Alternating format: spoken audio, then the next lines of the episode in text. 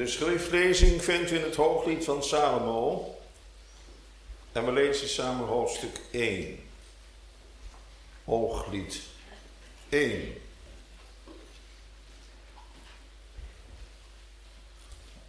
Het hooglied dat van Salomo is. Laat hij mij kussen met de kussen van zijn mond. Want uw uitnemende liefde is beter dan wijn. Uw zalfolie zijn heerlijk van geur. Uw naam is een uitgegoten zalfolie. Daarom hebben u de meisjes lief. Trek mij. We zullen achter u aansnellen. De koning heeft mij gebracht in zijn binnenkamer.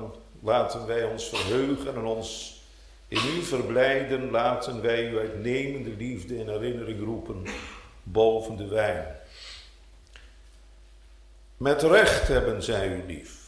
Donker van huid ben ik, maar bekoorlijk. Dochters van Jeruzalem, als de tenten van Kedar, als de tentkleden van Salomo. Zie niet op mij neer, omdat ik donker ben, want de zon heeft mij beschenen. De zonen van mijn moeder ontstaken tegen mij in woede. Ze maakten mij tot bewaakster van de wijngaarden. Mijn eigen wijngaard heb ik niet bewaard. U, die ik innig lief heb, maak mij bekend waar u de kudde wijdt, waar u die op de middag laat rusten. Want waarom zou ik zijn als een gesluierde bij de kudde van uw metgezellen? Als u het niet weet, o allermooiste onder de vrouwen, volgt dan de sporen van de schapen en wijdt uw geiten bij de woningen van de herders. Mijn vriendin, ik vergelijk u met de paarden voor de wagens van de farao. Lieflijk zijn uw wangen tussen de kettingjes en uw hals met parelsnoeren. We zullen gouden kettingjes voor u maken met zilveren knopjes. Zolang de koning aan zijn ronde tafel zit, verspreidt mijn nardus zijn geur. Mijn liefst is mij een bundeltje mirre dat tussen mijn borsten overnacht. Mijn liefst is mijn tros hennabloemen uit de wijngaarden van Engedi. Zie, u bent mooi, mijn vriendin, zie, u bent mooi. Uw ogen zijn als duiven. Zie, u bent mooi, mijn liefste. Ja, lieflijk. Ja, onze rustbank is het groene loof. De balken van onze huizen zijn ceders. Onze dakspannen zijn cipressen. Amen. Tot zover de schriftlezing de woorden die ons naar de tafel van de Here willen leiden, vindt u in vers 2, het eerste gedeelte. Deze woorden laat hij mij kussen met de kussen van zijn mond. Tot zover bidden wij de Here om zijn zegen. Gemeente in het bekende hoofdstuk 1 Korinthe 13 dan lezen we het bekende woorden van apostel Paulus. Zo blijft dan geloof, hoop en liefde. Maar de meeste van deze is de liefde. De liefde overstijgt al onze gevoelens. De Bijbel zegt zelfs dat het geloof door de liefde werkzaam is. Nu kan er wel liefde zijn zonder geloof. Hoeveel mensen zijn er die niets van God en de Heer Jezus willen weten, maar die toch een man, een vrouw en kinderen en kleinkinderen van harte lief hebben. Maar geloof zonder liefde is onbestaanbaar. Want het geloof is een gave van God. Het geloof is een gave van die God die liefde is in eigen persoon. God is liefde. En deze liefde is op onvergelijkbare wijze geopenbaard in de gave van zijn lieve zoon aan een wereld verloren in schuld. U kent die bekende woorden uit Johannes 3, vers 16. Al zo, met zoveel liefde betekent dat, heeft God deze wereld gehad dat hij zijn enige geboren zoon gegeven heeft, opdat er ieder die in hem gelooft niet verderven, maar het eeuwige leven hebben. Nou, over deze diepste gevoelens van de mens, maar meer nog ook en vooral over de diepste gevoelens van de Heere gaat het in dat boek Hooglied dat voor ons ligt. Dit hooggestemde lied over de liefde. Kent ze weerga niet. En in deze uh, versen die tot ons komen, beschrijft de Heer zijn liefde tot zijn bruidskerk. En dan plaatst de Heilige Geest dit lied in de context van een liefdesrelatie tussen de bruidegom en de bruid. En dan, om goed te verstaan, de bruidegom, Jezus Christus en zijn kerk, zijn gemeente, zijn kind, dat is zijn bruid. Dus als wij de Heer Jezus Christus hebben liefgekregen in ons leven, dan mogen we ons zijn bruid weten en is hij onze bruidegom.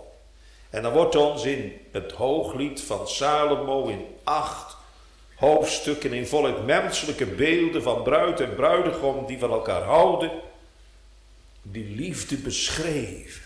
De gevoelens van de bruid jegens haar bruidegom, maar allermeest en meer de gevoelens van de bruidegom tot zijn bruid. Hoe de bruidegom staat tegenover zijn kind. Nou is het een hooglied van Salomo. Hij heeft het dus onder invloed van de Heilige Geest geschreven. Letterlijk betekent in het Hebreeuws het hooglied het lied der liederen. Het geeft aan dat het het meest hoge liefdeslied is dat denkbaar is. Een liefdeslied in de overtreffende trap. Mooier kan het niet, schoner kan het niet, inhoudsvoller kan het niet zijn. En wie denkt dan niet direct aan Psalm 45? Daar wordt zo gezongen: Mijn hart vervuld met heilbespiegelingen zal het schoonste lied van een koning zingen.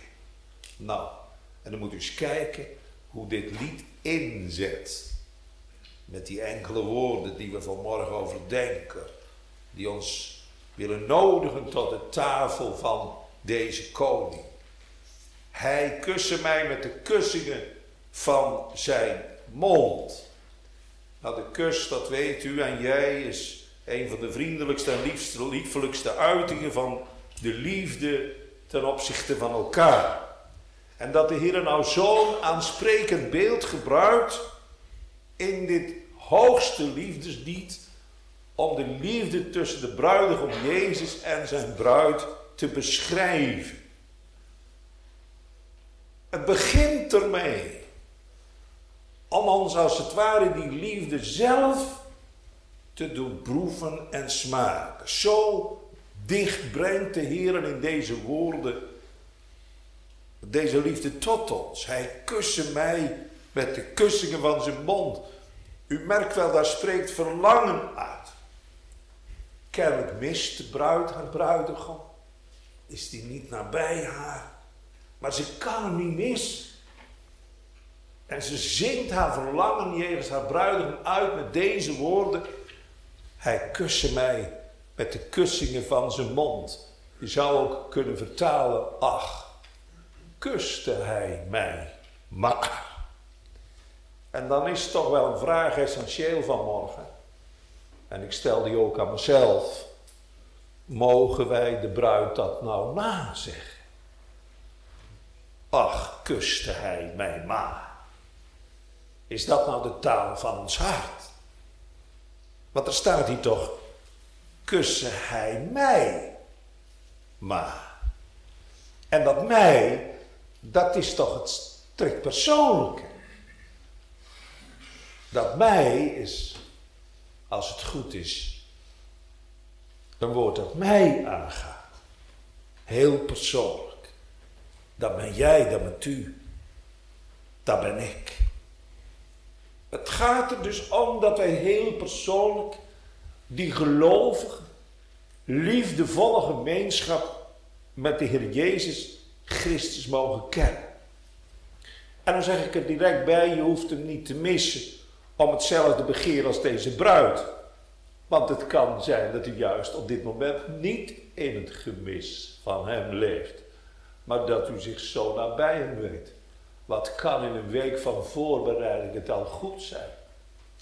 Dat u bij wijze van spreken vannacht niet kon slapen vanwege het verlangen om hem hier te ontmoeten aan zijn tafel. U was heel de week al met hem en hij was hele week al bij u of bij jou. Nou, dit woord wil ons vanmorgen onderwijzen om zo de weg naar de tafel te banen hoe wij ook gesteld zijn. We krijgen vanmorgen lessen in de liefde.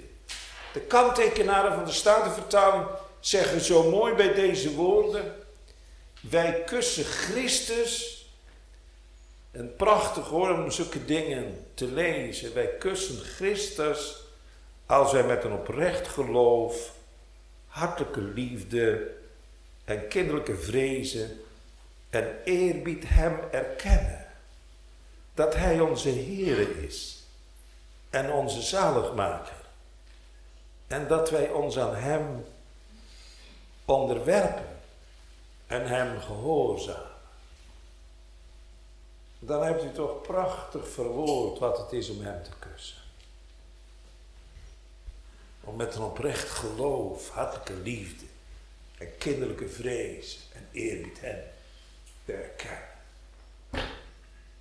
En dan ook dat wij ons aan Hem onderwerpen. Hij is immers onze koning. Zijn koninklijke heerschappij heeft het in ons leven tot zeg gekregen en hem gehoorzaam.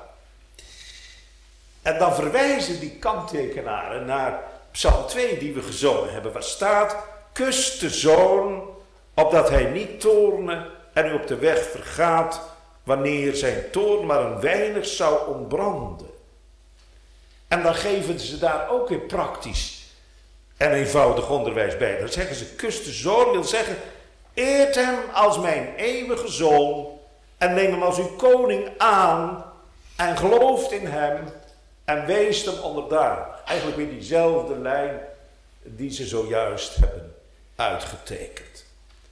Dus wanneer wij de Heer Jezus Christus mogen kussen, is dat niet anders dan dat we de Heer Jezus Christus in een oprecht geloof erkennen. Als te zijn onze koning en onze Heer. En dat mag dan van harte beleden worden. Ik zal, o Heere, die ik mijn koning noem, de luister van uw majesteit en roem, verbreiden uw goddelijke daad met diepst ontzag, aandachtig gadeslaan kinderlijke vrezen des Heren. Wat wil dat zeggen? Een relatie van, van kinderlijke liefde. Dat ziet op de puurheid van die liefde. Daar zit geen enkele redenering achter of bij. En dan de eerbied die we dan voor die Heer en voor die koning mogen hebben. Daar begint ons geestelijk leven mee. Als, als de troon van u en van jou en van mij begint te wankelen. Als wij koning af worden. Als wij het zelf niet meer kunnen en niet meer weten.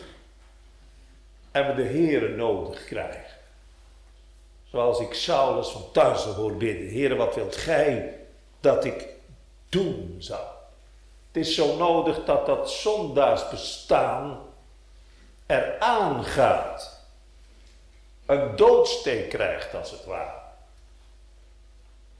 Omdat wij gaan begeren voor Hem te leven, zoals dat zo prachtig in de Heidelberger Catechismus staat. En voor Hem te leven. Van harte willig en bereid maakt. Nou, hoe de Heer dat in ons leven invult, daar is die volkomen vrij. Er is geen zondaar hier die op dezelfde wijze tot geloof en bekering is gekomen.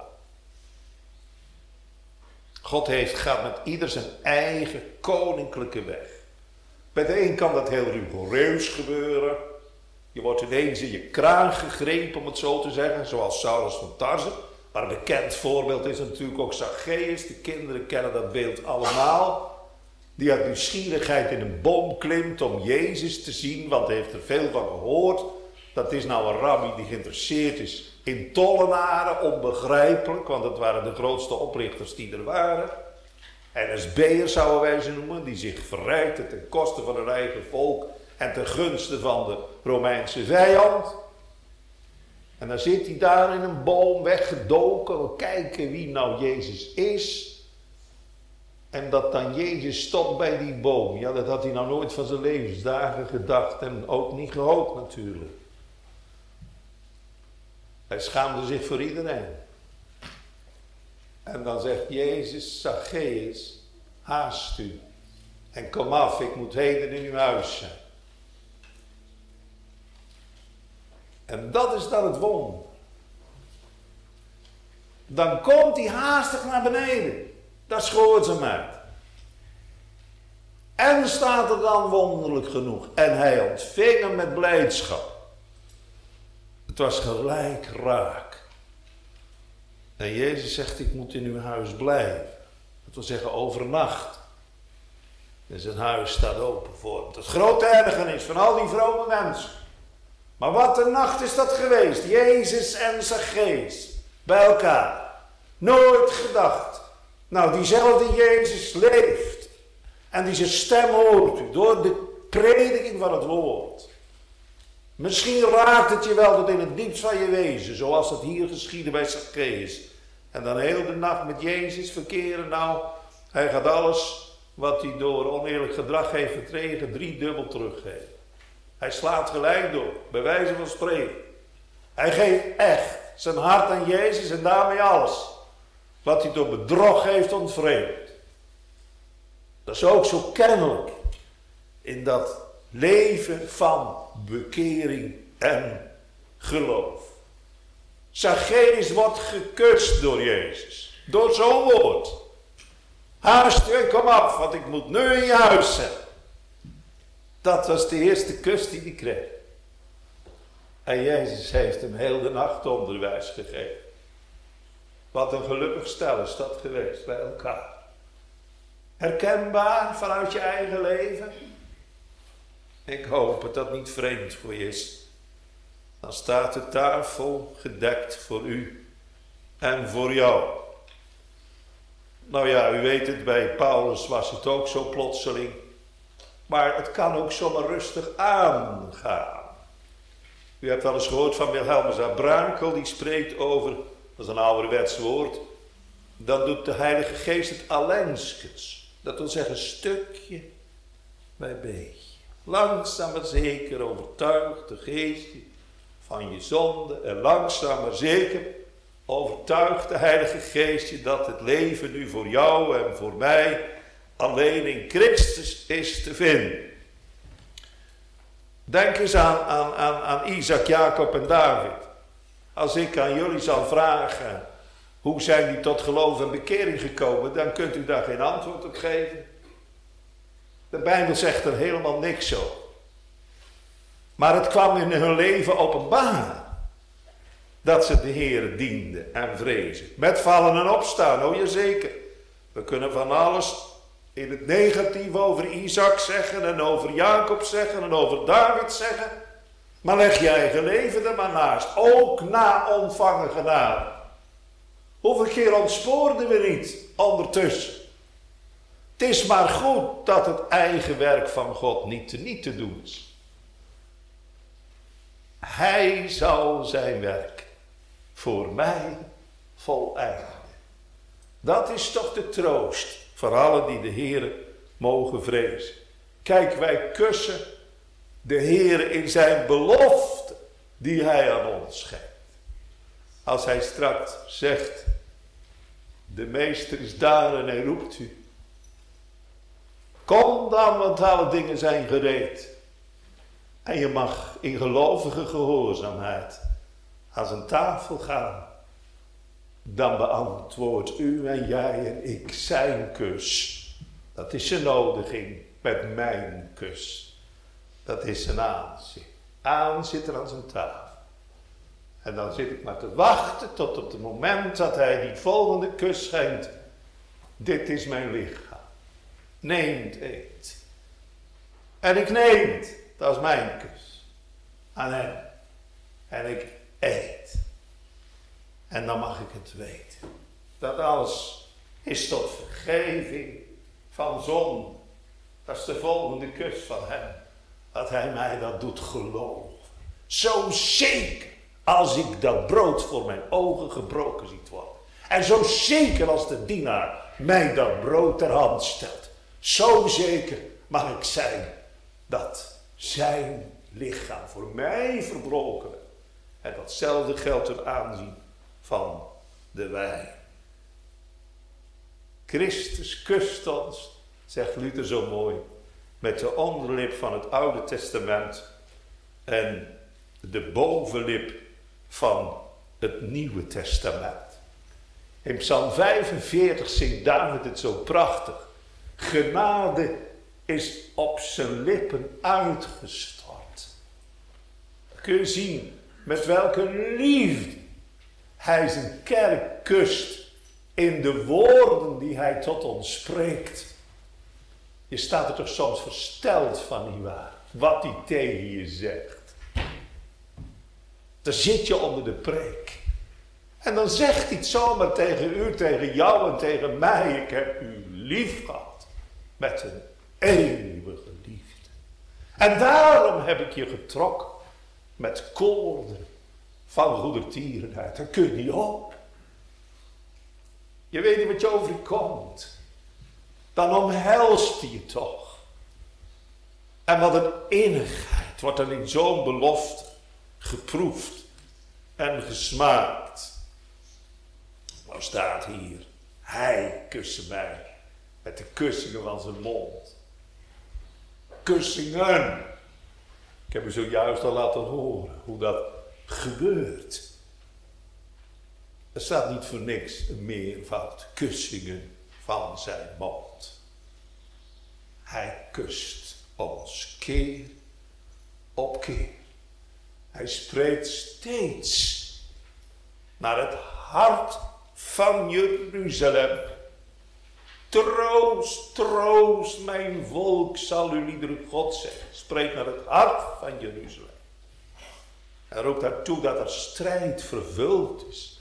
En dat er ongerechtigheid verzoend is. En dat ze dubbel ontvangen heeft voor alle zon. De ene kus op de andere kus.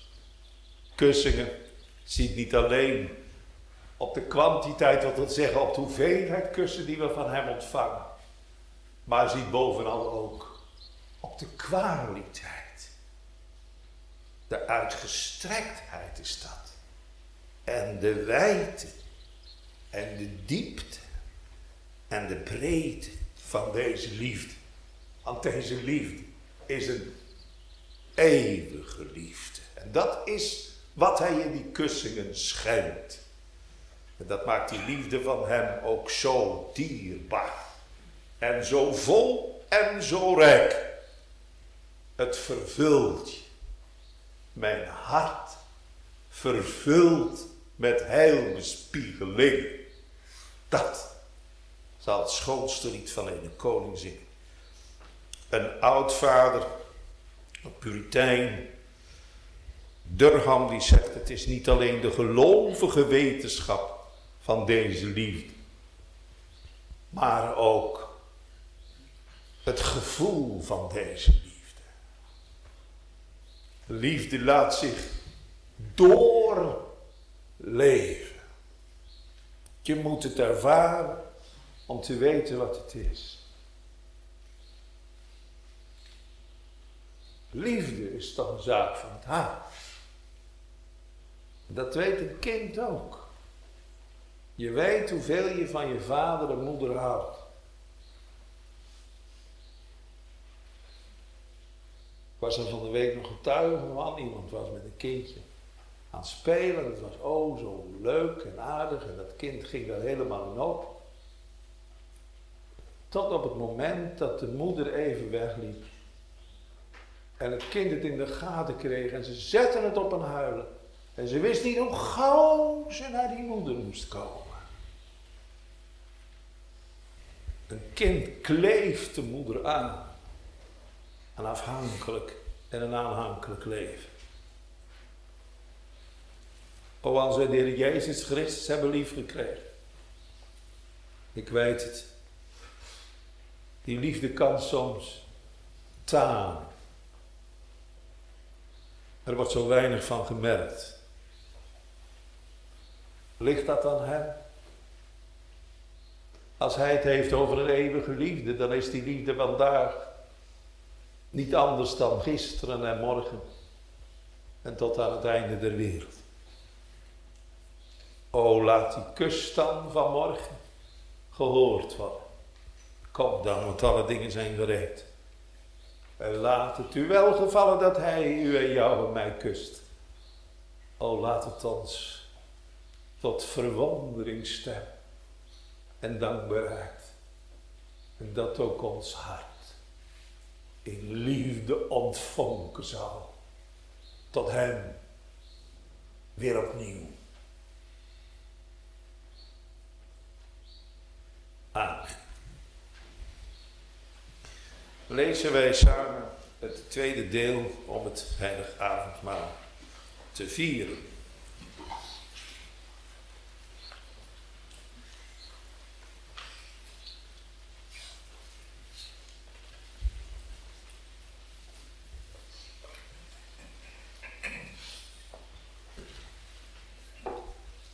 Ten andere laat ons nu ook overdenken waartoe ons de Heer zijn avondmaal heeft ingezet, namelijk dat wij dat doen zouden tot zijn gedachtenis. Maar al dus zullen wij zijn daarbij gedenken. Ten eerste dat wij ganselijk in onze harten vertrouwen dat onze Heere Jezus Christus naar uit der belofte die aan de voorvader in het Oude Testament van het begin af geschied zijn, door de Vader in deze wereld gezonden is, ons vlees en bloed heeft aangenomen, de toorn van God onder welke wij eeuwig hadden moeten verzinken, van het begin van zijn menswording tot het einde van zijn leven op de aarde voor ons gedragen en alle gehoorzaamheid en gerechtigheid van de goddelijke wet voor ons vervuld heeft. Voornamelijk toen hem de last van onze zonde en van de toren van God het bloedige zweet in de hof uitgedrukt heeft, waar hij gebonden werd, opdat hij ons zou ontbinden. Daarna ontelbare smaadheden geleden heeft, opdat wij nimmer meer te schande zouden worden, onschuldig ter dood veroordeeld is, opdat wij voor het gericht van God zouden vrijgesproken worden. Ja, zijn gezegend lichaam aan het kruis heeft laten nagelen, opdat hij het handschrift onze zonde daaraan zou hechten. En heeft al zo de vervloeking van ons op zich geladen, opdat hij ons met zijn zegening vervullen zou. En heeft zich vernederd tot in de allerdiepste versmaadheid en angst der hel, met lichaam en ziel, aan het hout des kruises, toen hij riep met luider stem, mijn God, mijn God, waarom hebt gij mij verlaten? Opdat wij tot God zouden genomen en nimmer meer van hem verlaten worden en heeft eindelijk met zijn dood en bloedstorting het nieuwe en eeuwige testament, het verbond der genade en der verzoening besloten toen hij zei, het is volbracht.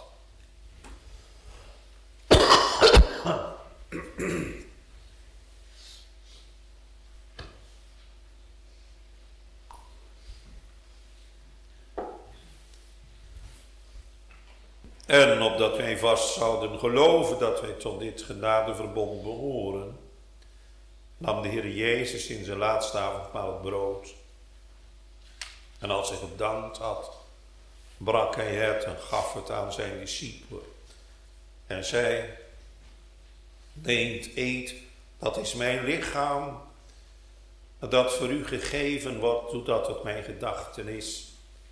Desgelijks na het avondmaal nam hij de drinkbeker gedank hebben de gaf indien zeggende, drinkt allen daaruit, deze drinkbeker is het Nieuwe Testament in mijn bloed. het welk voor u en voor velen vergoten wordt tot vergeving van zonde, doe dat zo dikwijls als gij die zult drinken, tot mijn gedachtenis dat is. Zo dikwijls als gij van dit brood eet en van deze beker drinkt, zult ge daardoor als door een gewisse gedachtenis en pand vermaand en verzekerd worden van deze mijn hartelijke liefde en trouw jegens u. Dat ik voor u, daar gij anders de eeuwige dood had moeten sterven, mijn lichaam aan het hout des kruises in de dood geven en mijn bloed vergieten.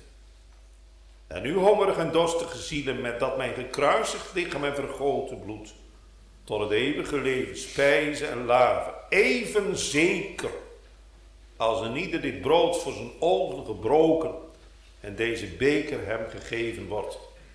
En gij die tot mijn gedachtenis met uw mond eet en drinkt. Uit deze inzetting van het heilige avondmaal van onze Heere Jezus Christus zien wij dat Hij ons geloof en betrouwen op zijn volkomen offer die eenmaal aan het kruis geschied is, als op de enige grond en fundament onze zaligheid wijst. Waar Hij onze hongerige en dorstige zielen tot de waarachtige spijs en drank van het eeuwige leven is geworden. Want door zijn dood heeft hij de oorzaak van onze eeuwige honger en kommer, namelijk de zonde, weggenomen. En heeft ons de levendmakende geest verworven, opdat wij door die geest, die in Christus als in het hoofd en in ons als een lidmaten woont, met hem waarachtige gemeenschap zouden hebben. En alle goederen, het eeuwige leven, de gerechtigheid en de heerlijkheid delachtig worden. Dat benevens dat wij ook door die geest onder elkaar als lidmaten van één lichaam in waarachtige broederlijke liefde verbonden worden. Gelijk de heilige apostel Paulus spreekt, één brood is het. Zo zijn wij velen één lichaam, terwijl wij alle één brood delachtig zijn. Want gelijk het vele graankorrels één meel gemalen en één brood gebakken wordt, en het vele bessen samengepest zijnde één wijn en drank vliet, en zich ondereen vermengt. Alzo zullen wij allen, die door het waarachtig geloof Christus ingelijfd zijn, door broederlijke liefde, om Christus, onze lieve zaligmakers wil, die ons tevoren zo uitnemend heeft liefgehad, alle tezamen één lichaam zijn. En zulks niet alleen met woorden, maar ook met de daad jegens elkaar bewijzen. Daartoe help ons dan machtige God en Vader van onze Heere Jezus Christus door zijn Heilige Geest. Amen. Laat ons onszelf voor God verootmoedigen en hem met waarachtig geloof om zijn genade aanroepen. Laat ons bidden. de barmhartige God en Vader. Wij bidden u dat gij in dit avondmaal, waarin wij oefenen de heerlijke gedachtenis van de bittere dood van uw lieve Zoon Jezus Christus, door uw heilige geest in onze harten wil bewerken, dat wij ons met waarachtig vertrouwen aan uw Zoon Jezus Christus, hoe langer hoe meer overgeven. Opdat onze bezwaarde en verslagen harten met zijn waarachtig lichaam en bloed, ja met hem waarachtig God en mens, het enige hemelse brood, door de kracht van de Heilige Geest gespijzigd en gelaafd worden, en dat wij niet meer in onze zonde, maar hij in ons en wij in hem leven. En zo waarachtig het nieuwe en eeuwige testament en verbond der genade deelachtig zijn dat wij niet twijfelen of gij zult eeuwig onze genadige Vader zijn. Ons onze zonde nimmer meer toerekenen. Met alle dingen aan lichaam en ziel verzorgen als uw lieve kinderen en erfgenamen. Verleen ons ook uw genade. Dat wij getroost ons kruis op ons nemen, onszelf verlogen. Onze heiland beleiden. En in alle droefenis met opgeheven hoofd onze Heere Jezus Christus uit de hemel verwachten. Waar Hij onze sterfelijke lichaam aan zijn verheerlijk lichaam gelijk maken en ons tot zich nemen zal in eeuwigheid. Verhoor ons, o God en barmhartige Vader. Door Jezus Christus, die ons al dus heeft leren bidden. Onze Vader die in de hemelen zijt, uw naam wordt geheiligd. Uw koninkrijk komen. Uw wil geschieden gelijk in de hemel als ook op de aarde. Geef ons heden ons dagelijks brood en vergeef ons onze schulden gelijk ook wij vergeven onze schulden na.